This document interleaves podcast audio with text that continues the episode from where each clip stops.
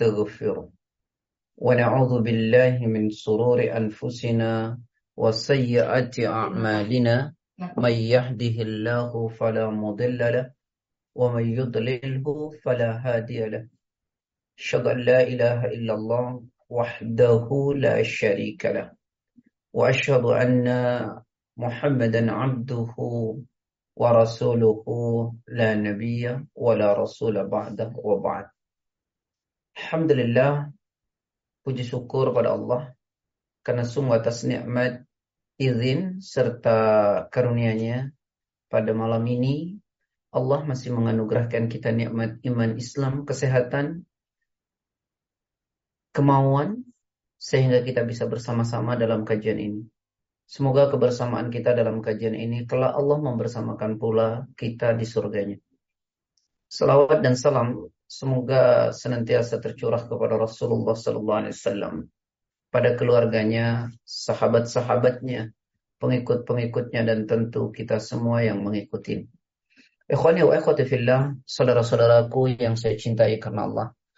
Kita masih akan membahas amalan-amalan penggugur dosa, ya. Dan hari ini kita sampai yang kelima. Saya ingin mengingatkan kembali saudara-saudaraku yang saya cintai karena Allah.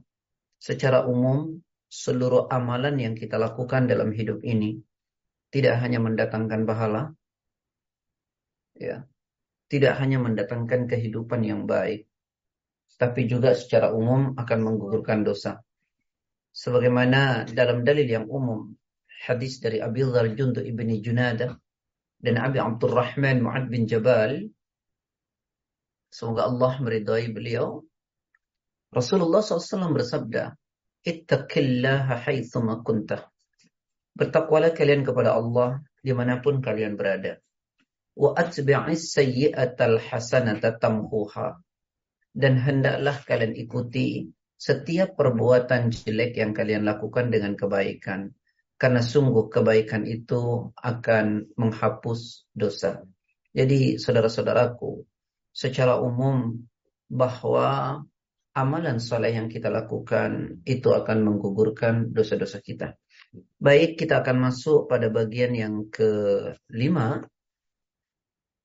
Ya, bagian yang kelima dalam kitab dikatakan bahwa amalan penggugur dosa itu dengan menjauhi dosa-dosa besar ya dengan menjauhi dosa-dosa besar Ikhwani wa ikhwati fillah yang dirahmati oleh Allah. Allah Ta'ala berfirman di dalam Al-Quran pada surah keempat ayat yang ke-31 in tajtanibu kaba'ira ma tunhauna anhu nukaffir ankum sayyiatikum wa nudkhilkum mudkhalan karima. Monggo ayat 31 ya tadi Ustaz ya Baik, betul. Quran surat An-Nisa ayat 31 yang artinya jika kamu menjauhi dosa-dosa besar di antara dosa-dosa yang dilarang mengerjakannya, niscaya kami hapuskan kesalahan-kesalahanmu dan akan kami masukkan kamu ke tempat yang mulia atau surga. Ya. Coba kita renungkan. In tajtanibu kaba'ira ma Jika kamu menjauhi dosa-dosa besar di antara dosa-dosa yang kamu dilarang mengerjakannya. Apa jaminannya? nukaffir ankum sayyiatikum. Niscaya kami akan hapus kesalahan-kesalahanmu.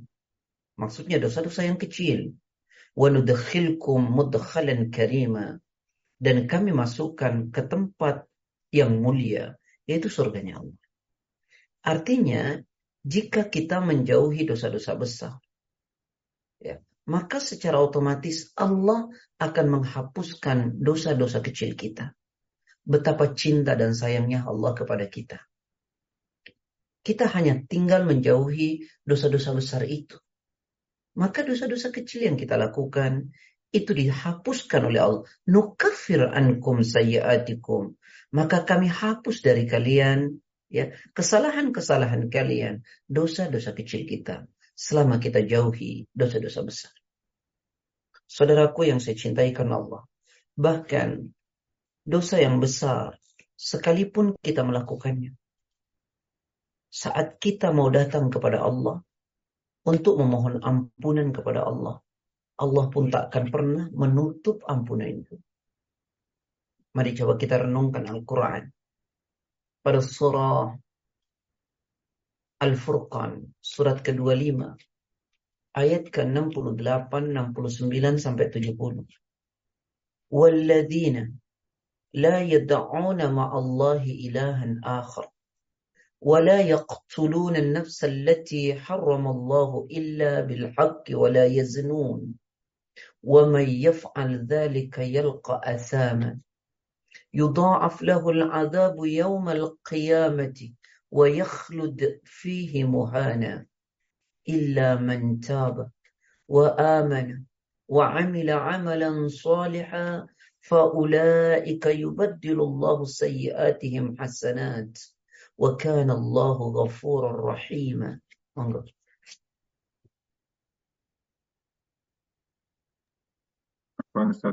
Surat 25, surat Al-Furqan ayat 68 sampai 70 ya Ustaz ya. Baik.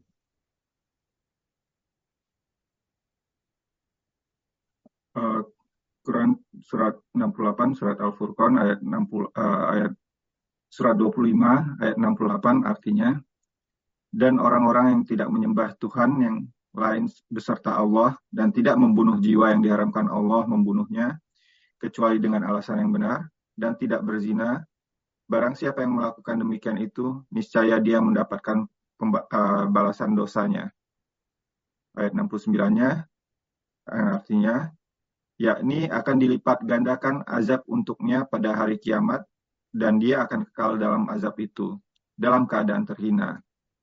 Dan ayat 70-nya, kecuali orang-orang yang bertaubat, beriman, dan mengerjakan amal saleh, maka itu kejahatan mereka diganti Allah dengan kebajikan.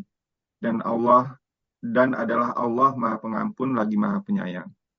Ya, saudara-saudaraku, sahabat-sahabatku yang saya cintai karena Allah, bahwa setiap kita melakukan, setiap kita menjauhi dosa besar, maka dosa-dosa kecil kita dilakukan. Kalau seandainya kita terperosok dalam dosa, yaitu dosa besar sekalipun, Allah tidak pernah menutup tangannya untuk mengampuni dosa-dosanya. Untuk mengampuni dosa-dosa kita sebagai hambanya. Sebagaimana dikatakan dalam ayat ini. وَالَّذِينَ لَا يَدَعُونَ مَعَ اللَّهِ إِلَهًا آخَرٍ Dan orang-orang yang tidak menyembah berserta Allah Tuhan yang lain. Artinya apa? Dia tidak syirik. Ini dosa besar. wala يقتلون النفس التي حرم الله illa bil dan yang tidak membunuh yang diharamkan oleh Allah kecuali dengan alasan yang benar. Ini pun dosa besar. Wala yaznun dan tidak berzina. Seandainya dilakukan juga dosa besar. Karena itulah Allah mengatakan, Siapa melakukan hal demikian, maka hukumannya berat. Apakah itu hukumannya?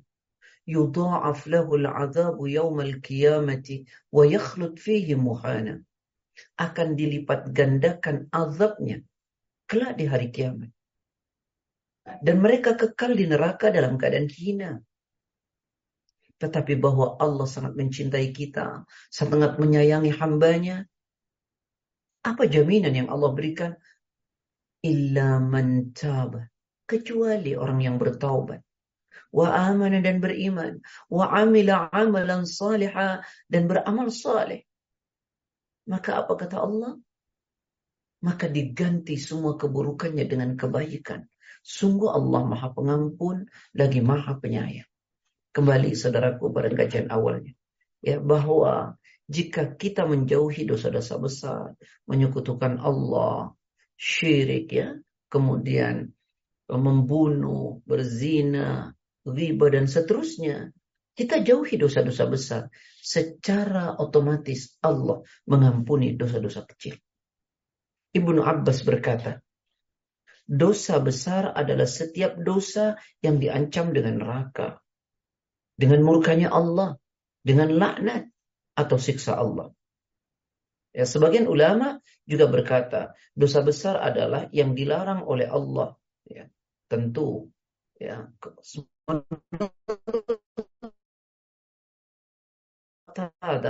menurut Qatada, tajtanibu kaba'ir ma anhu. Jika kamu menjauhi dosa-dosa besar di antara dosa-dosa uh, di antara dosa-dosa yang dilarang adalah bahwa Allah menjanjikan pengampunan dosa hanya bagi orang-orang yang menjauhi dosa-dosa besar. Sebab dosa-dosa besar hanya bisa dihapus dengan taubat, iman, dan amal saleh. Jadi jelas ya kata Qatada ketika beliau menafsirkan kata intajtanibu kaba'ir ma jika kalian meninggalkan dosa besar ya di antara dosa yang uh, kamu dilarang mengerjakannya yang dimaksud kata beliau adalah bahwa Allah menjanjikan penghapusan dosa atau pengampunan dosa hanya bagi orang yang menjauhi dosa-dosa besar sebab dosa-dosa besar itu hanya bisa dihapus dengan taubat. Tentu ya. Nah, ikhwani wa ikhwati fillah. Ini adalah amalan yang kelima. Kita jauhi dosa besar, maka Allah ampuni dosa-dosa kecil kita. Tapi saya ingin sampaikan, kita jangan sampai putus asa. Jika kita pernah melakukan dosa-dosa besar, datanglah kepada Allah. Mohonlah ampun kepada Allah. Karena Allah tidak pernah ya membiarkan hambanya yang memohon ampun kepadanya. Tidak akan pernah dibiarkan. Sebab Allah tidak pernah zalim. Kita saja yang tidak mau datang kepada Allah. Bahkan saya sering mengatakan dalam satu hadis Qudsi berjalur dari Anas bin Malik diriwayatkan oleh Imam Tirmidzi Rasulullah Shallallahu Alaihi Wasallam menyatakan Allah Taala berfirman Inna kama da'awtani wa rajautani la astaghfiru laka ala ma kana minka wa la ubali Wahai anak Adam, ya ibna Adam selama engkau masih meminta kepadaku, kata Allah. Dan selama engkau masih berharap kepadaku, maka ku ampuni dosa-dosamu, kata Allah. Dan aku tidak peduli lagi dengan masa lalu kelammu. Ya Ibn Adam, lau balagat dunubaka anana samai, thumma astaghfartani, ghafartu laka wala ubali. Wahai anak Adam, seandainya dosamu itu membumbung setinggi langit, lalu engkau mohon ampun, maka Allah mengatakan, ku ampuni dosa-dosa. Jadi saudara-saudaraku yang saya cintai karena Allah, ya jauhi dosa besar maka dosa kecil diampuni oleh Allah. Kalau kita terlanjur melakukan dosa besar datanglah dan bertaubatlah mohonlah ampun kepada Allah. Allah akan ampuni dosa-dosa kita Allah betul-betul sayang kepada kita kitalah yang tidak pernah sayang kepada diri kita sendiri karena itu datanglah kepada Allah jangan pernah menundanya Sebab kita tidak pernah tahu sampai kapan kita punya waktu di dunia ini. Karena itu Allah Ta'ala berfirman. وَسَارِعُوا إِلَى مَغْفِرَةٍ مِّن رَبِّكُمْ وَجَنَّةٍ أَرْضُهَا السَّمَاوَاتُ وَالْأَرْضُ وَعِدَّتْ لِلْمُتَّقِينَ Bersegeralah kalian kepada ampunan dari Rob kalian. Bersegera kepada ampunan dari Rob kalian. Jangan pernah menunda. Kita nggak pernah tahu di dunia ini sampai kapan kita hidup. Quran surat ke 3 ayat 133.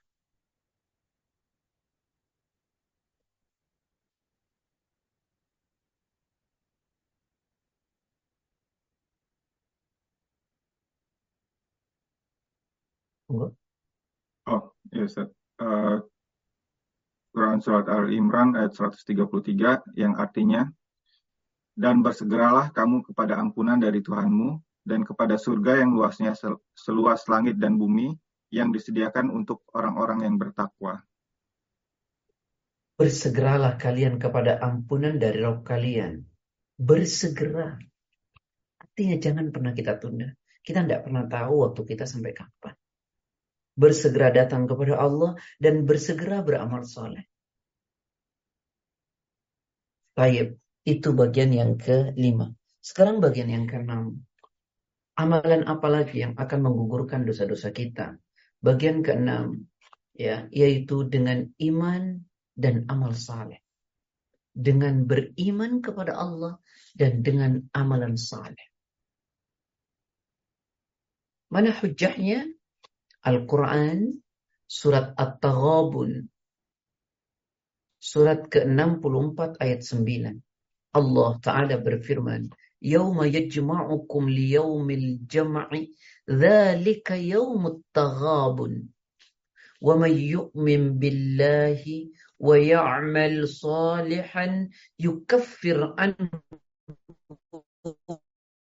سيئاته ويدخله جنات تجري من تحتها الأنهار خالدين فيها أبدا. ذلك الفوز العظيم.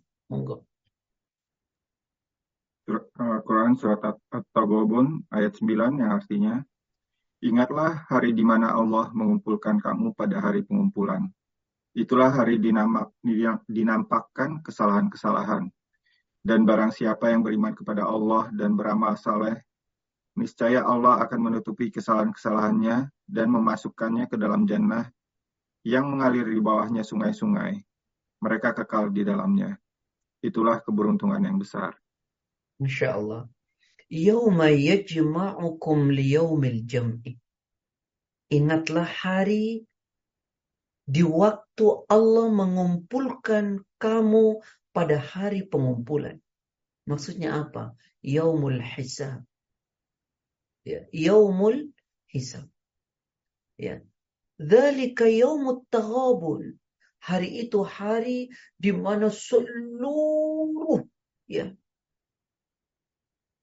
kesalahan-kesalahan ditampakkan oleh Allah. Tidak ada satu pun yang tersembunyi. Semua hari itu kesalahan ditampakkan oleh Allah. Tapi bagaimana kata Allah? Wa yu'min billah. Siapa orang yang beriman kepada Allah?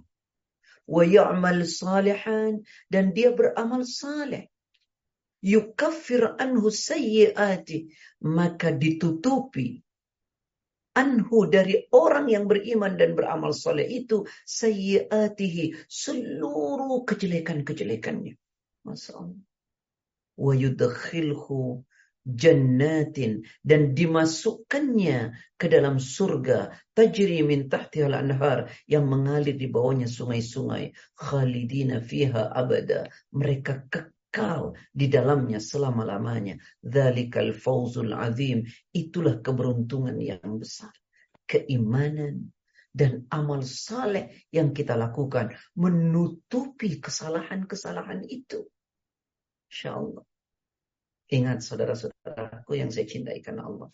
Kalau kita melihat ya, dalam banyak literatur Al-Quran, As-Sunnah, dan menurut para ulama, bahwa keimanan itu tidak hanya menggugurkan dosa, menutupi kesalahan. Masya Allah, di dunia saja apa yang akan terjadi pada orang beriman. Orang beriman itu dalam hidupnya akan selalu merasa tenang. Saya ulangi, orang beriman itu, afwan yang agak melebar, orang beriman itu akan selalu merasa tenang dalam hidupnya. Quran, surat 13 ayat 28. Alladzina, alladzina,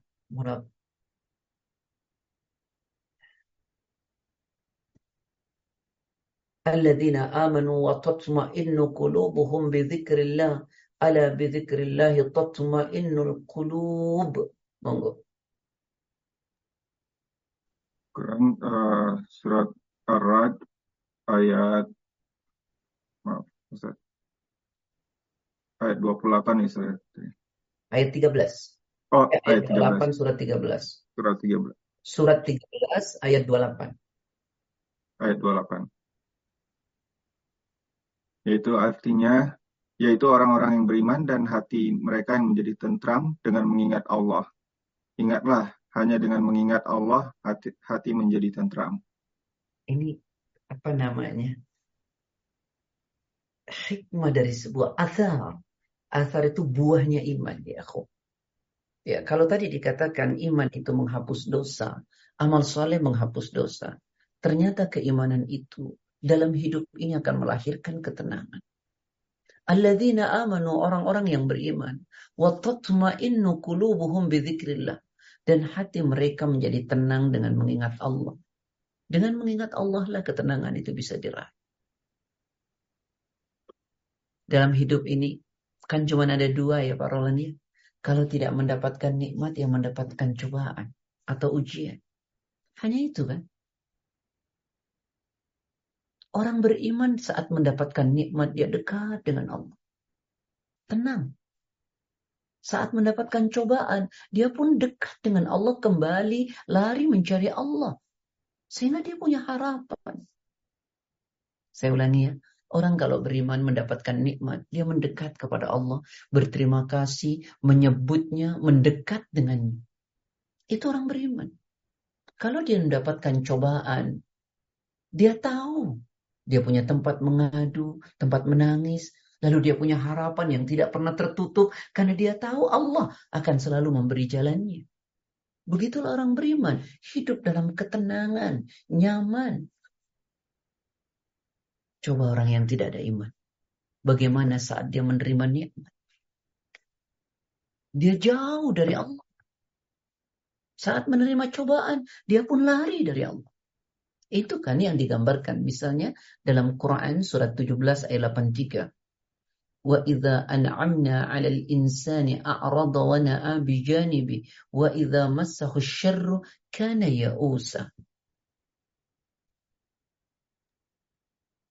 Quran surat Al-Isra eh, uh, 83 ya Ustaz. Ya, baik. Yang artinya dan apabila kami berikan kesenangan kepada manusia, niscaya berpalinglah dia dan, membelak dan membelakang dengan sikap yang sombong. Dan apabila dia ditimpa kesusahan, niscaya dia berputus asa. Inilah. Orang kalau imannya tipis, apalagi tidak ada iman. Kalau diberikan kenikmatan, dia berpaling. Menjauh dengan sombong. Aneh ya. Padahal kalau kita dikasih oleh makhluk sesuatu, kita berterima kasih, kita mengingatnya terus, dan kita mendekatnya. Ini Allah yang memberi. Malah menjauh. Tidak mau mendekat, tidak mau mengingat, tidak mau berterima kasih, malah menjauh dari Allah. Kenapa? Imannya tipis. Kalau dikasih susah, putus asa. Tidak demikian dengan orang yang punya iman. Orang yang punya iman hatinya tenang. Kenapa? Dalam kenikmatannya, dia dalam dekapan Allah. Dalam cobaannya, dia pun dalam dekapan Allah. Inilah yang kata Rasulullah SAW. Ya, hadis dari Abi Yahya Suhaib ibn Sinan radhiyallahu an. Rasul bersabda, "Ajaban li amril mu'min. Inna amrahu kullahu lahu khair. Wa laysa dhalika li ahadin illa lil mu'min. In asabathu sarra syakara fakana khairan la. Wa in asabathu dharra sabara fakana khairan la." Riyadhus Salihin nomor 27. Sungguh keren orang beriman itu kata Nabi, mengagumkan. Kenapa?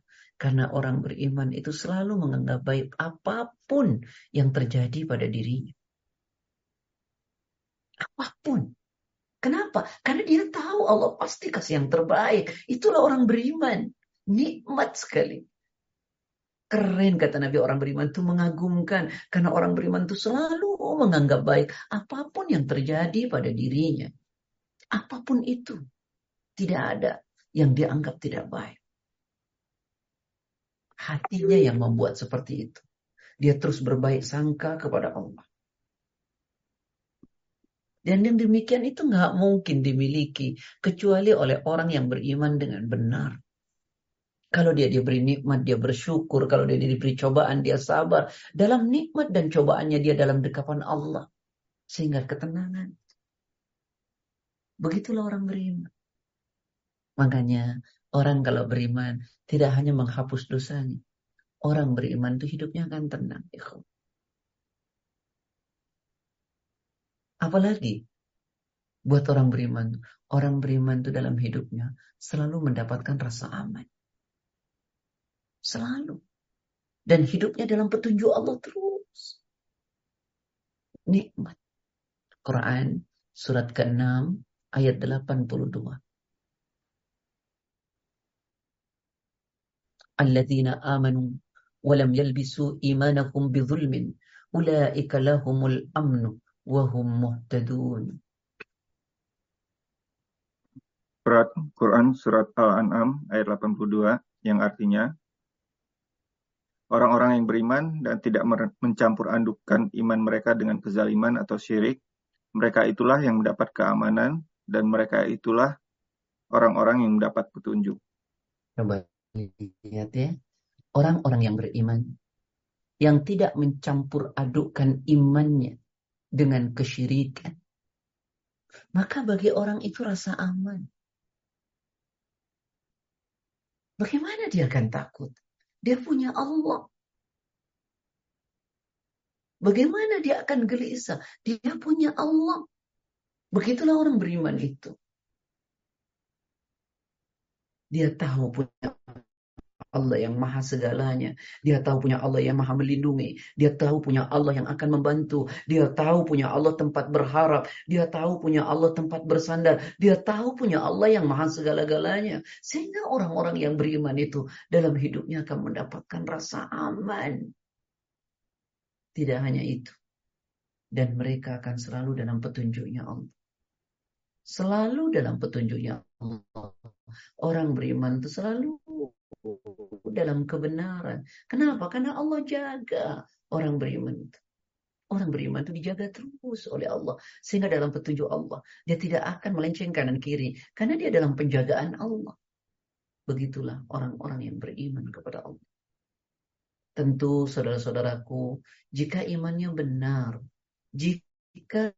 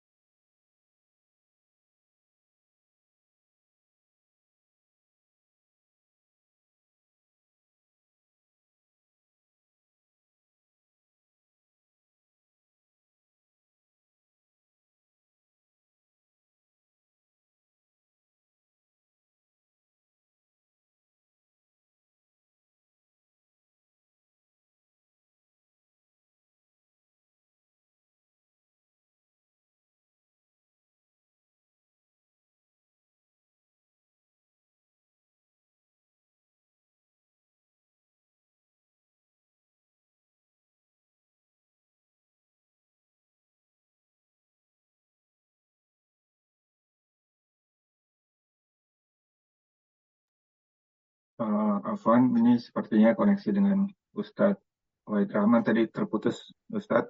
Um, ya, saya mohon maaf lahir batin akhi. Mohon maaf Bapak Ibu. Ya, qadarullah, qadarullah. Qadarullah. Tadi saya pikir terus koneksi komputer saya yang jelek justru Ustaz karena sering terganggu juga di sini. Sepertinya no internet anak. Afwan lahir batin. Taib ibu yang dirahmati oleh Allah, bapak-bapak yang semoga Allah senantiasa memberi kemuliaan. Jadi kembali, keimanan itu tidak hanya menggugurkan dosa-dosa kita, tentu dengan iman yang benar, yang diucapkan, diyakini, dan dibuktikan dalam perbuatan. Iman itu akan mendapatkan ketenangan dalam hidupnya. Iman itu akan mendapatkan rasa aman. Keimanan itu akan memberi petunjuk, akan selalu mendapatkan petunjuk dari Allah buat orang-orang yang beriman. Bahkan orang yang beriman itu, Pak, hidupnya akan penuh dengan keberkahan. Coba renungkan Quran. Surat ke-7 ayat 96. Walau anna ahlal qura amanu واتقوا لفتحنا عليهم بركات من السماء والأرض ولكن كذبوا فأخذناهم بما كانوا يكسبون Quran Surat Al-A'raf ayat 96 yang artinya Jikalau sekiranya penduduk negeri-negeri uh, beriman dan bertakwa, pastilah kami akan melimpahkan kepada mereka berkah dari langit dan bumi. Tapi mereka mendustakan ayat-ayat kami, maka kami siksa mereka disebabkan perbuatannya. Coba renungkan secara mendalam ya. Apa Allah bilang? Seandainya penduduk negeri itu beriman betul kepada Allah, bertakwa betul kepada Allah, maka Allah akan bukakan pintu berkah dari langit dan dari bumi. Allah bukakan pintu berkah dari langit dari bumi. Untuk siapa? Untuk orang yang beriman dan bertakwa jika hidup ini ingin keberkahan, kuatkan iman. Kuatkan iman. Bangun ketakwaan. Maka hidup berkah. Kenapa orang hidupnya tidak berkah? Coba tanyakan. Jangan-jangan imannya yang tidak beres.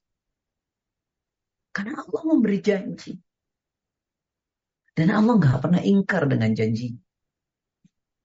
Seandainya penduduk negeri itu beriman betul, bertakwa betul, maka Allah bukakan pintu berkah dari langit, dari bumi untuk penduduk negeri itu sendiri. Rumah tangga kita dibangun dengan iman dan takwa, pasti keberkahan. Kita membangun dengan iman dan takwa, pasti Allah beri keberkahan. Kenapa hidup nyaman, Kenapa hidup selalu tidak tenang? Kenapa hidupnya tidak berkah? Ayo deh, coba introspeksi diri.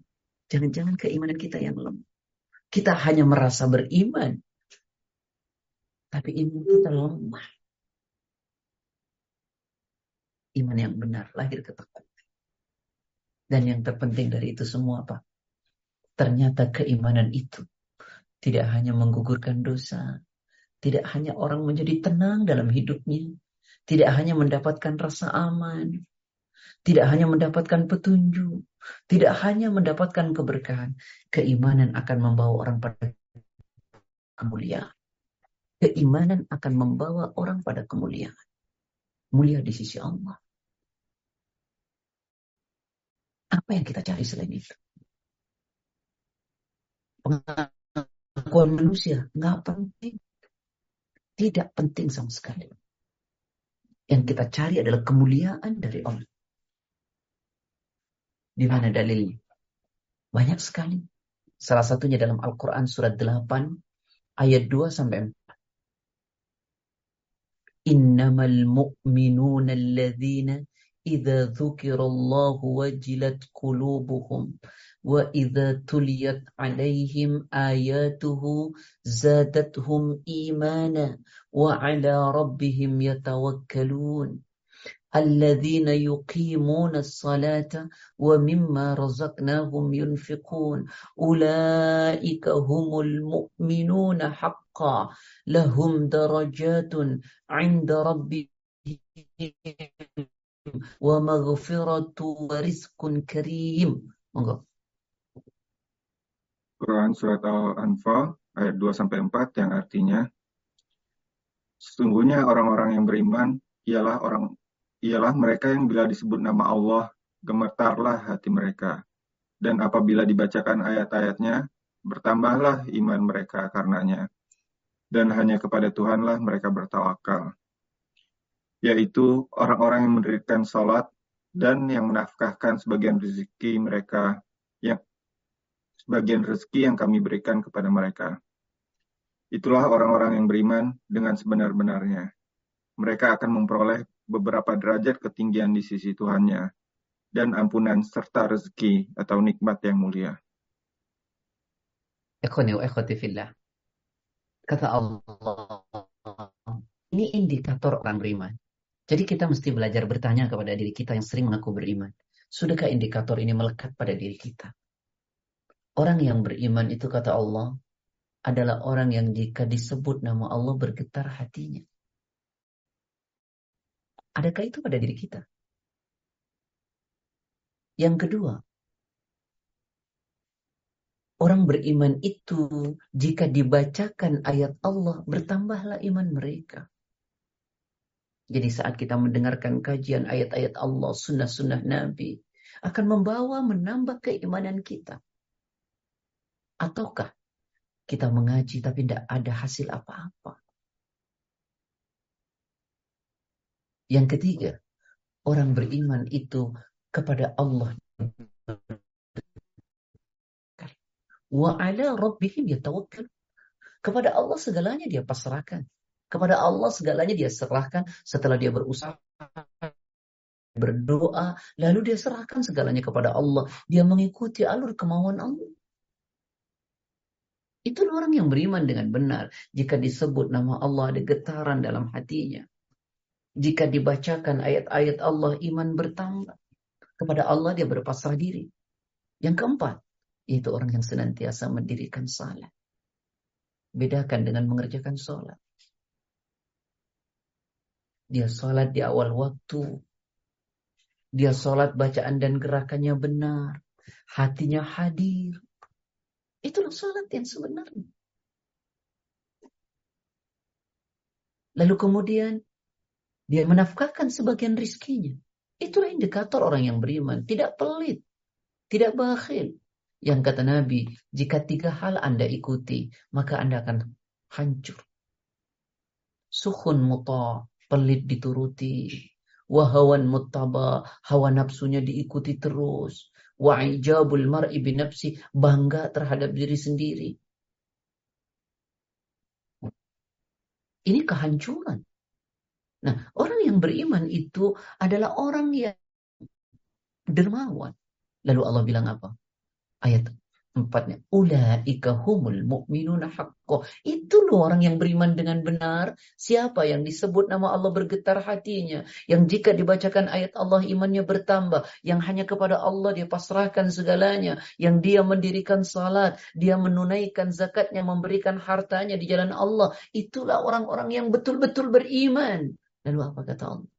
Ulaika humul mu'minuna haqqa lahum darajatun 'inda rabbihim. Bagi mereka derajat yang tinggi di sisi Rabbnya. Kemuliaan bagi orang bertakwa. Bagi orang iman. Di hadapan siapa? Di hadapan Allah. Apalagi wa maghfiratun. Nah ini ampunan dari Allah. Apalagi wariskun karim, rizki yang mulia. Itu yang dijanjikan oleh Allah untuk orang beriman. Maka saudara-saudaraku yang saya cintai karena Allah, ya amal yang keenam penggugur dosa adalah iman dan amal saleh. Buka lagi satu ayat dalam Quran, surat Al-Ankabut ayat ke-7. Surat ke-29. Walladzina amanu وعملوا الصالحات لنكفرن عنهم سيئاتهم ولنجزينهم أحسن الذي كانوا يعملون عفوا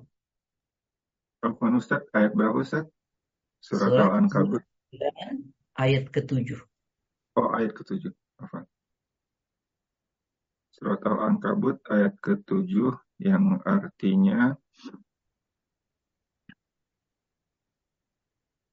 dan orang-orang yang beriman dan beramal saleh benar-benar akan kami hapuskan dari mereka dosa-dosa mereka dan benar akan kami berikan balasan yang lebih baik dari apa yang mereka kerjakan. Ya Allah. Ini kan janji Allah kan?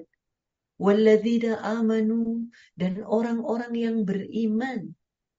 Yang imannya benar tadi ya.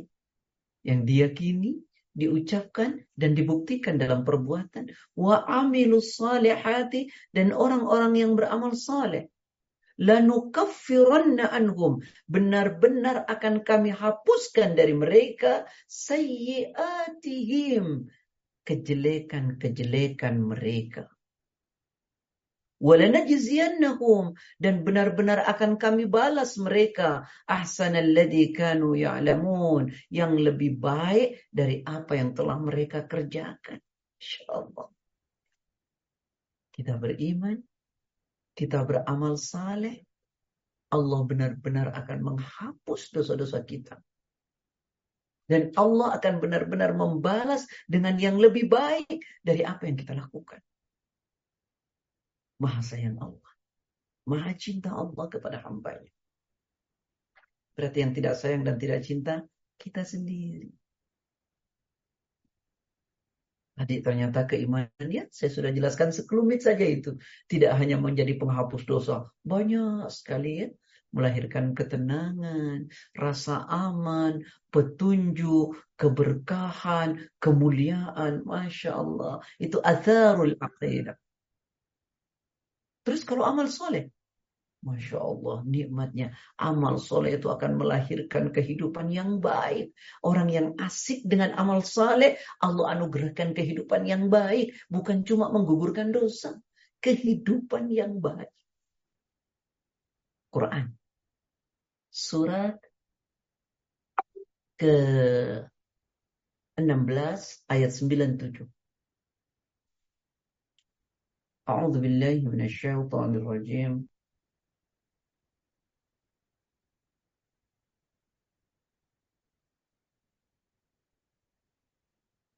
Sudah ketemu?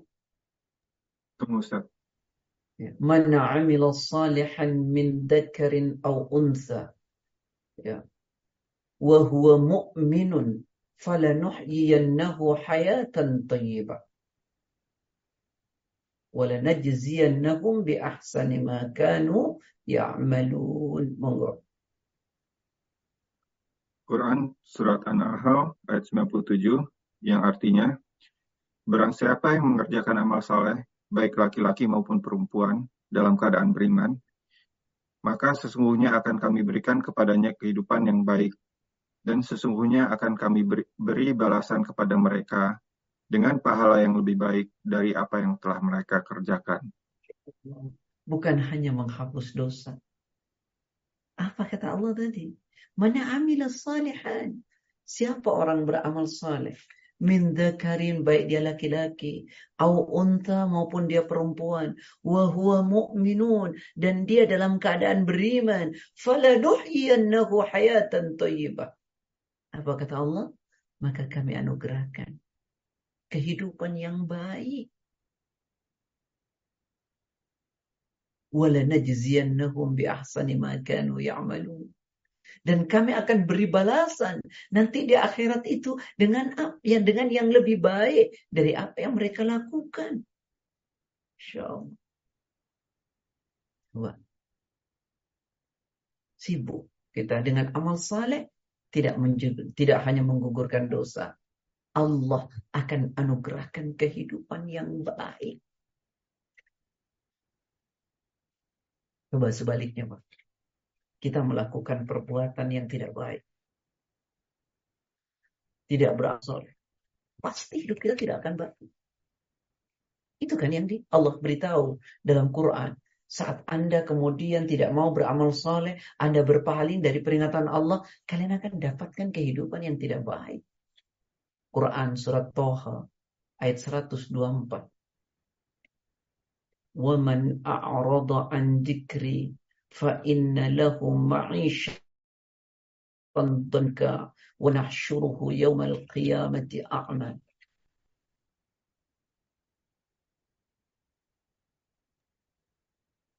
Quran surat Toha ayat 124 ya Ustaz.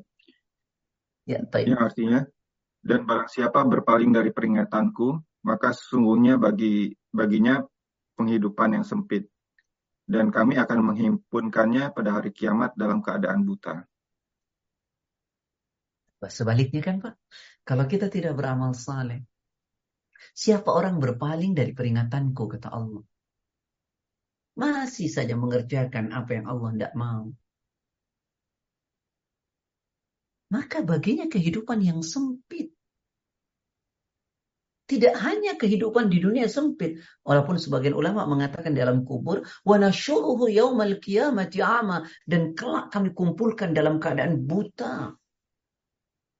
Makanya kalau kita belajar ada dampak buruk dosa ya. Kata Imam Ibnu Qayyim itu kan banyak sekali itu dampak buruknya. Salah satunya ini. Hidupnya tidak akan penuh ketenangan senantiasa diliputi kegelisahan, ketidaknyamanan. Begitu orang yang melakukan perbuatan dosa. Nah, ikhwan ya ikhwati fillah yang dirahmati oleh Allah Subhanahu wa taala, yuk sibukkan dengan amalan saleh, kuatkan iman, penghapus dosa dan dengan berbagai macam kenikmatan yang lain. Bukalah Al-Qur'an akhir bahwa orang beriman dan beramal soleh itu akan mendapatkan pengampunan dari Allah. Quran surat Al-Hajj ayat 50 surat 22 Falladzina amanu wa amilus salihati lahum maghfiratu wa karim. Quran surat Al-Hajj ayat 50 yang artinya maka orang-orang yang beriman dan beramal saleh bagi mereka ampunan dan rezeki yang mulia. Masya Allah ya. Falladzina amanu maka orang-orang yang beriman wa amilus salihati dan yang mengerjakan amal saleh. Lahum bagi mereka orang yang beriman dan beramal saleh maghfiratun ampunan dari Allah wa rizkun karim dan rizki yang mulia. Kuatkan iman, iman itu naik turun. Ya. Iman itu naik, naik turun. Yazid wa yankus. Gimana agar cara naik terus? Ya kan gitu ya? Yang pertama adalah berdoa terus sama. Berdoa terus sama Allah. Kita jangan sombong. Kita punya iman seolah-olah iman kita tidak akan turun, tidak akan hilang. Nah, ada orang yang hafal Quran, berjihad di jalan Allah, imannya hilang. Karena itu kita berdoa terus kepada Allah. Ya muqallibal qulub Thabbit qalbi ala dini. Wahai Allah yang membolak-bolakan hati. Thabbit qalbi. Tetapkan hati kami ala dinik atas agamamu ya Allah. Berdoa, jangan sombong terus minta semua. Lalu kemudian apa lagi? Rabbana la tuzigh qulubana ba'da idh hadaitana. Rabbana ya Allah Rabb kami La tuzigh qulubana. Jangan kau palingkan hati kami ya Allah. Ba'da idh hadaitana. Setelah kau berikan petunjuk. Allahumma inni as'alukal huda wa tuqa. Ya Allah aku mohon kepadamu petunjuk. Dan ketakwaan. Minta terus kepada Allah. Kemudian apa lagi? Selalu bersyukur kepada Allah.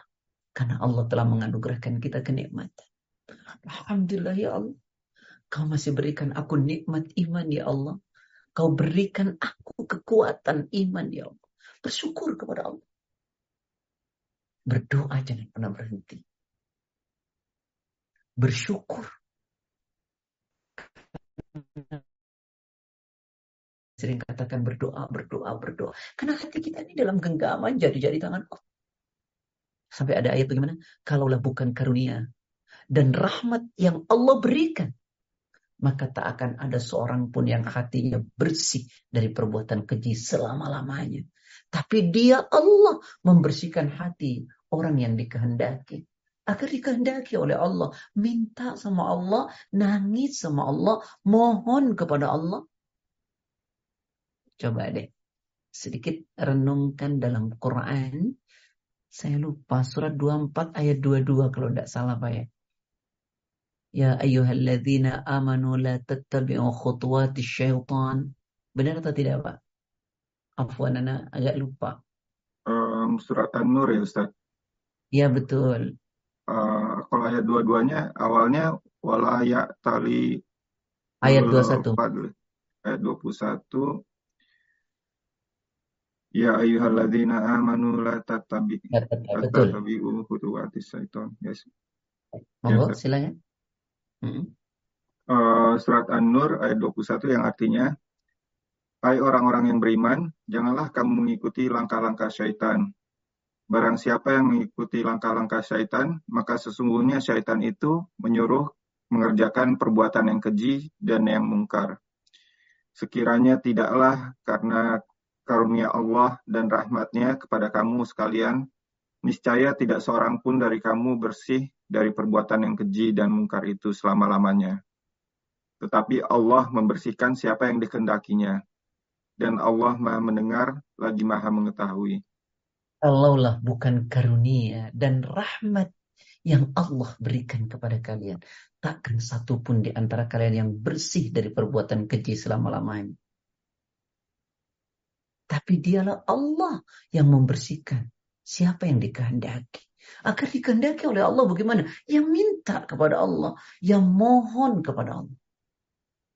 Jadi saudara-saudaraku yang saya cintaikan Allah, agar iman itu terus melekat, yuk kita minta kepada Allah. Yang kedua, yuk bersyukur terus kepada Allah. Yang ketiga, paksa diri kita. Dengan apa? Dengan ibadah-ibadah kepada Allah. Baca Quran. Dan seterusnya. Paksa diri kita. Untuk terus mendekat dengan proses-proses ibadah. Agar iman kita tidak turun.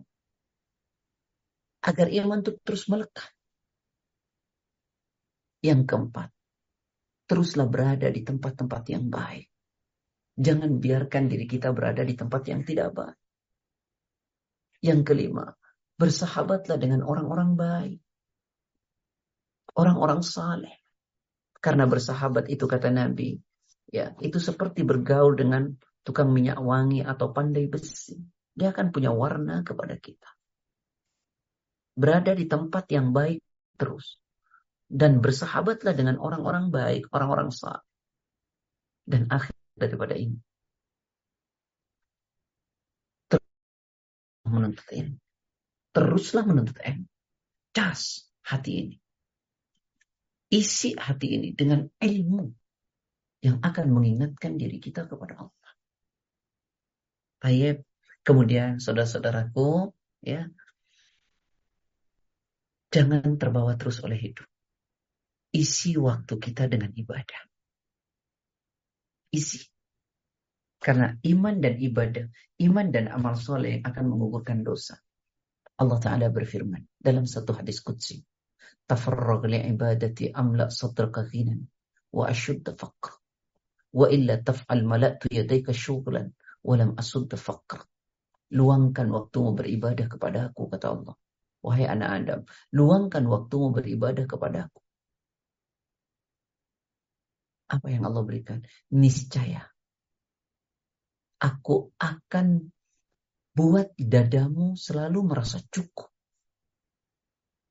Dengan urusan dunia tentu. Dan akan kututupi engkau dari kekurangan. Jika engkau tidak meluangkan waktumu beribadah kepada aku, kau asik saja dalam hidup ini. Maka apa kata Allah? Aku akan makin buat sibuk dengan urusan dunia. Dan aku tidak akan pernah tutupi dari kekurangan. Makin jauh dari ibadah. Makin sibuk dengan dunia. Makin sibuk, makin tak pernah cukup. Maka luangkan waktu beribadah. Jangan habiskan waktu sia-sia. Nabi mengatakan, Min husni islamil mar'i tarkuhu ma la. Di antara tanda baiknya orang beriman, orang muslim itu. Apa yang dia lakukan? Dia tinggalkan perkara yang gak ada gunanya. Beralih kepada yang bermanfaat alih kepada bernilai ibadah, baik dalam konteks ritual maupun sosial. Orang beruntung itu walladzina hum 'anil lagwi mu'ridun. Mereka yang meninggalkan perbuatan dan perkataan sia-sia.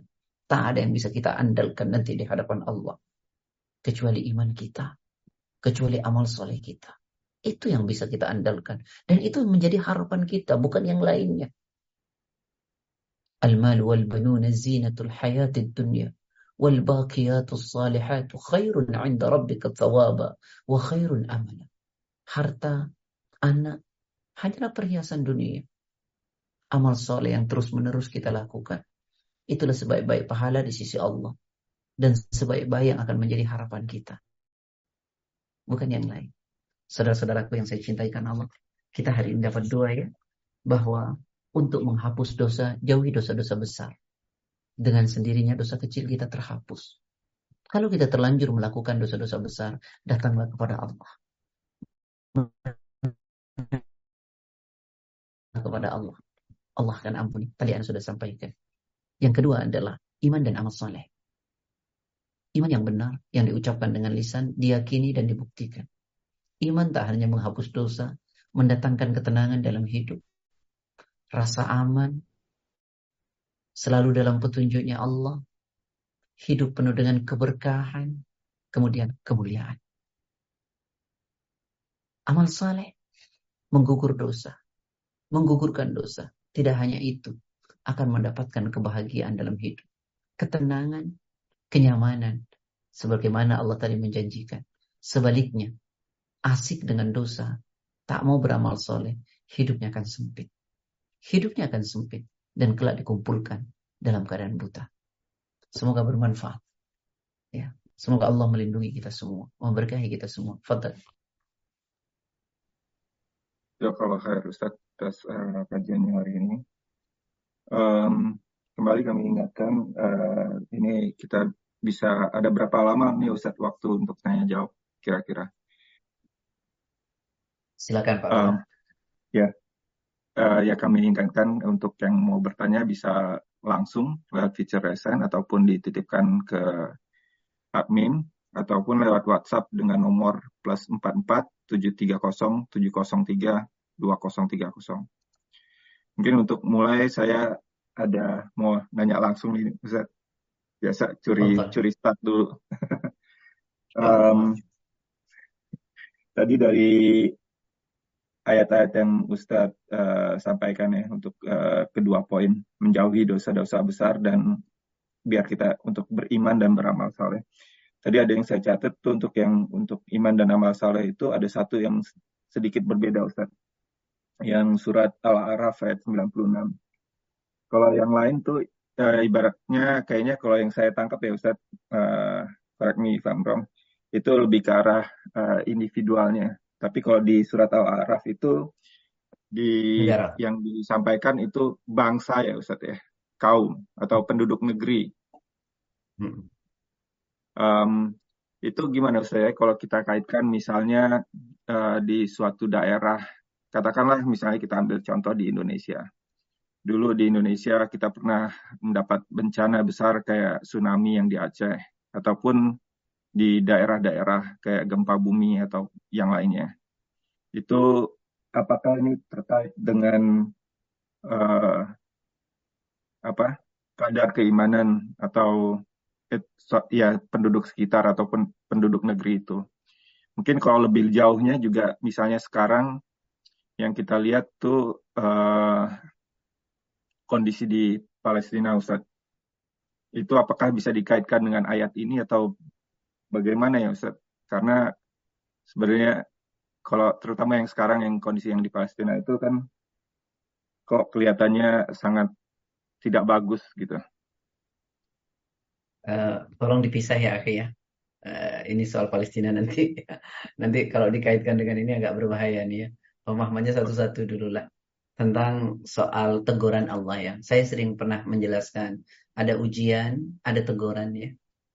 Ujian itu Allah kasih kepada orang baik. Teguran itu Allah kasih kepada orang muslim tapi nakal itu bahasa sederhananya ya. Apa kenakalan yang dilakukan? Satu, misalnya dia membuat kerusakan di muka bumi ini. Kerusakan itu secara fisik ataupun tata nilai. Ya. Maka pasti akan mendatangkan teguran. Coba renungkan ayat Quran. Surat 30 ayat 41. ظهر الفساد في البر والبحر بما كسبت أيدي الناس ليذيقهم بعض الذي عملوا لعلهم يرجعون. Monggo. Surat Ar-Rum ayat 41 ya Ustaz. Yang ya. artinya ya. telah nampak kerusakan di darat dan di laut disebabkan karena perbuatan tangan tangan manusia supaya Allah merasakan kepada mereka sebagian dari akibat perbuatan mereka agar mereka kembali ke jalan yang benar. Inilah ya akhi, satu datangnya itu karena teguran dari Allah. Kenapa? Karena kita nakal membuat kerusakan. Baik kerusakan secara fisik maupun kerusakan dengan tata nilai. Ketika kemaksiatan merajalela, judi dibiarkan, zina dibiarkan dengan terang-terangan. Bukankah Rasul pernah mengatakan, "Idza stahallat ummati khamsan dimar." Jika umatku telah menghalalkan lima perkara, maka mereka akan diterpa, diterpa kehancuran. Apa itu idza dhaharat tala'u?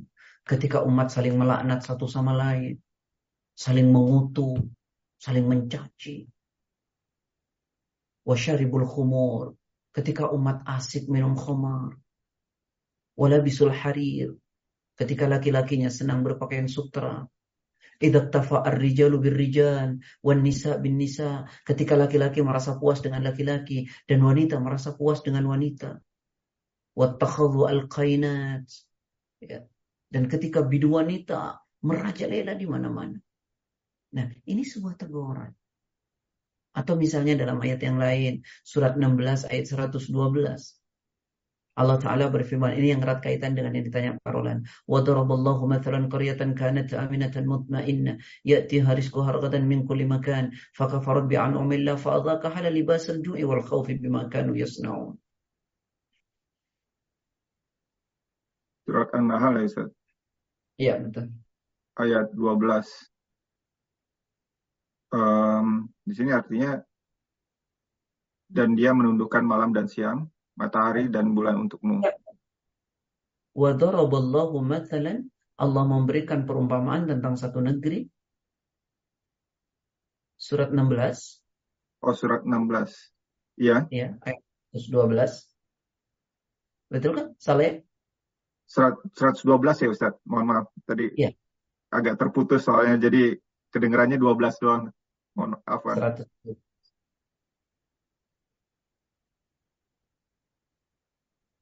yang artinya dan Allah telah membuat suatu perumpamaan dengan sebuah negeri yang dahulunya aman lagi tentram.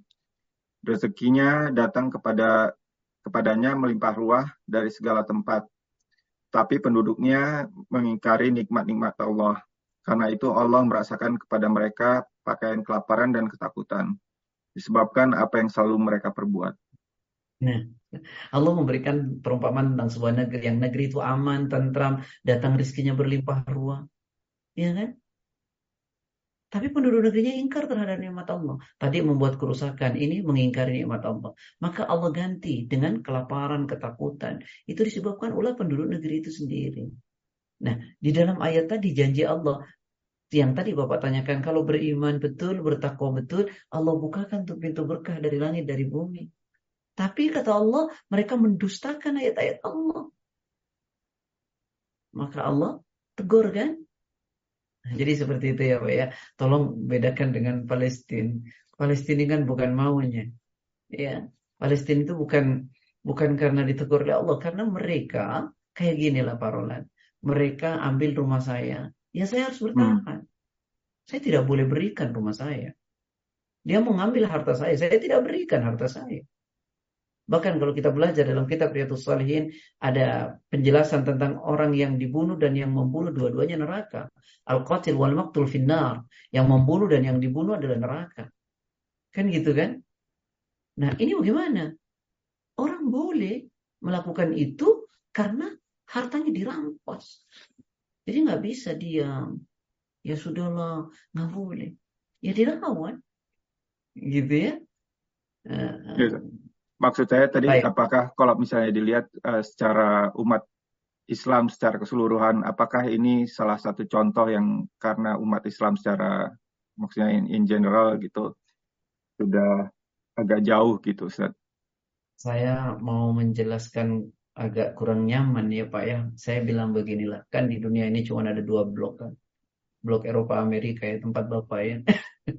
Dan blok apa? Blok komunis Rusia Cina dan Korea Utara gitu kan nah nggak ada blok Islam umat Islamnya cuek sekarang kita hanya membantu secara personal ya tapi dari negara ke negara tidak ada yang membuat blok Islam lah gitulah ada blok Amerika Eropa ada blok komunis Cina Rusia ada blok Islam sehingga punya daya tawar gitu cukup disegani. Nah ini sebenarnya adalah sentilan nih buat kita ya pemimpin-pemimpin negara-negara muslim. Aduh Pak, ketinggian Pak kita bicara nanti Pak. Saya bicara ini dulu aja deh Pak ya. Mohon maaf dosa dulu deh. Itu sesinya berbeda. Saya agak anu biasa di kampus bicara seperti itu. Afwan. Baik Ustaz, jazakallah khair. Um, ini kembali mungkin uh, sebentar Ustaz ya. Uh,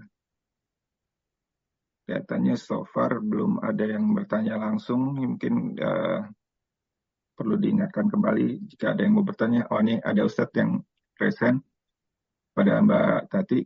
Bu Tati silakan di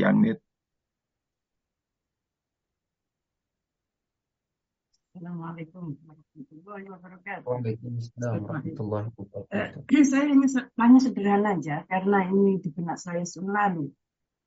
Saya selalu mendapatkan uh, dalam khutbah Jumat atau kapan saja bahwa kita sebagai manusia akan dituntut nanti di hari kiamat apa pun sekecil apa pun yang kita kerjakan dalam hidup kita. Nah, berarti kan kita harus tanggung jawab kalau kita mencuri, kalau kita berbuat uh, sesuatu yang uh, besar, bisa besar, kecil maupun besar, kita akan ditanya. Ini, ini di otak saya. Kita akan ditanya. Nah terus kalau saya sudah malam hari ini, akan dihapus dosa kita itu kalau kita mau tobat asal itu tidak yang syirik. Terus pertanyaan nanti ini akan dihapus juga atau tetap ditanya tapi dimudahkan bagaimana menerangkan di sini? Baik, sudah bu? Sudah, sudah. Ini. Baik. Allah. Saya kasih analogi sederhana bun. Kalau ada orang bersalah sama saya, lalu saya bilang, saya maafin ya, tapi nanti awas ya. Kan berarti saya belum memaafkan namanya. Nah. Jadi ada orang bersalah sama saya, dia minta maaf. Ya saya maafin, tapi nanti ya. Nah itu berarti saya tidak memaafkan. Nah Allah memaafkan dosa-dosa kita. Allah mengampuni dosa-dosa kita. Saat diampuni, dimaafkan oleh Allah. Apakah ada pertanggungjawaban? Tidak. Sudah diampuni oleh Allah. Sudah dimaafkan oleh Allah. Nah karena itulah kita ini kan setiap hari berbuat dosa. Setiap hari yuk kita iringi dengan perbuatan baik. Setiap hari yuk kita beristighfar. Setiap hari yuk kita bertaubat kepada Allah. Semoga saat kita meninggal, dosa-dosa kita sudah dimaafkan oleh Allah. Dengan istighfar kita, dengan amal soleh kita, dengan taubat kita kepada Allah. Jadi ketika Allah sudah memaafkan, sudah selesai. Dan Allah membuka harapan itu tidak pernah berhenti buat kita. Quran surat 2, surat 39 ayat 53. Qul ya ibadiyalladzina asrafu ala anfusihim la taqnatu min rahmatillah. Innallaha yaghfirud dzunuba jami'a innahu huwal ghafurur rahim. Katakanlah wahai hamba-hambaku yang melampaui batas terhadap diri mereka sendiri. Jangan pernah putus asa dari kasih sayang Allah. Sungguh Allah mengampuni dosa-dosa semuanya. Sungguh dia Allah maha pengampun lagi maha penyayang. Surat 39 ayat 53. Bahkan yang bunda tanya tadi, soal syirik bisa dimaafkan? Bisa. Saat kita mau datang kepada Allah, memohon ampun kepada Allah, Allah ampuni dosa-dosa itu. Wallahu a'lam. Demikian ya, Bun. Jazakumullah khair. Wa jazakillah khair. Barakallahu fiik. Uh, baik Ustaz, sepertinya belum ada pertanyaan lagi. Uh, mungkin untuk kajian kali ini, ini juga udah mau jam 9 ya Ustaz ya jam 9 malam. Mungkin uh, untuk kajian kali ini kita sudahkan dulu sampai di sini Ustaz. Baik, ikhwani wa ikhwati fillah yang dirahmati oleh Allah. Hidup ini singkat sebagaimana Rasul mengatakan kepada Ibnu Umar, hidup ini seperti orang asing atau seperti orang yang sedang menyeberang jalan. Karena itu jangan sia-siakan waktu yang Allah berikan untuk terus beramal soleh, untuk terus menambah keimanan kita, dan datanglah cepat bertobat kepada Allah. Karena semua akan ada pertanggungjawaban kepada Allah Subhanahu wa taala. Oleh karenanya lah, ayo kita isi dengan amal soleh, ayo kita datang bertaubat kepada Allah. Dan kita tidak pernah boleh putus asa dari janjinya Allah. Semoga Allah merahmati kita semua. Allah memberkahi kita semua. Dan Allah mengampuni dosa-dosa kita. Dan menjadikan anak-anak kita anak yang saleh dan salihah. Hadanallahu wa yakum ajma'in. Assalamualaikum warahmatullahi wabarakatuh. Waalaikumsalam warahmatullahi wabarakatuh. Ya, kalau Herr Ustadz atas waktu dan ilmunya, uh, dengan uh, selesainya kajian kali ini, mari kita baca doa kafaratul majelis. Subhanaka Allahumma wa bihamdika asyhadu an la ilaha illa anta astaghfiruka wa atubu ilaik. Semoga kajian kali ini bermanfaat bagi kita semua. Dan untuk untuk menyimak kembali kajian kali ini dan kajian-kajian sebelumnya, silahkan kunjungi channel YouTube kami di channel Rumah Dakwah UK ataupun lewat platform RSS, Apple maupun Google Podcast. Kami dari panitia mohon maaf jika ada kekurangan dan kesalahan. Barakallahu fikum. Wassalamualaikum warahmatullahi wabarakatuh.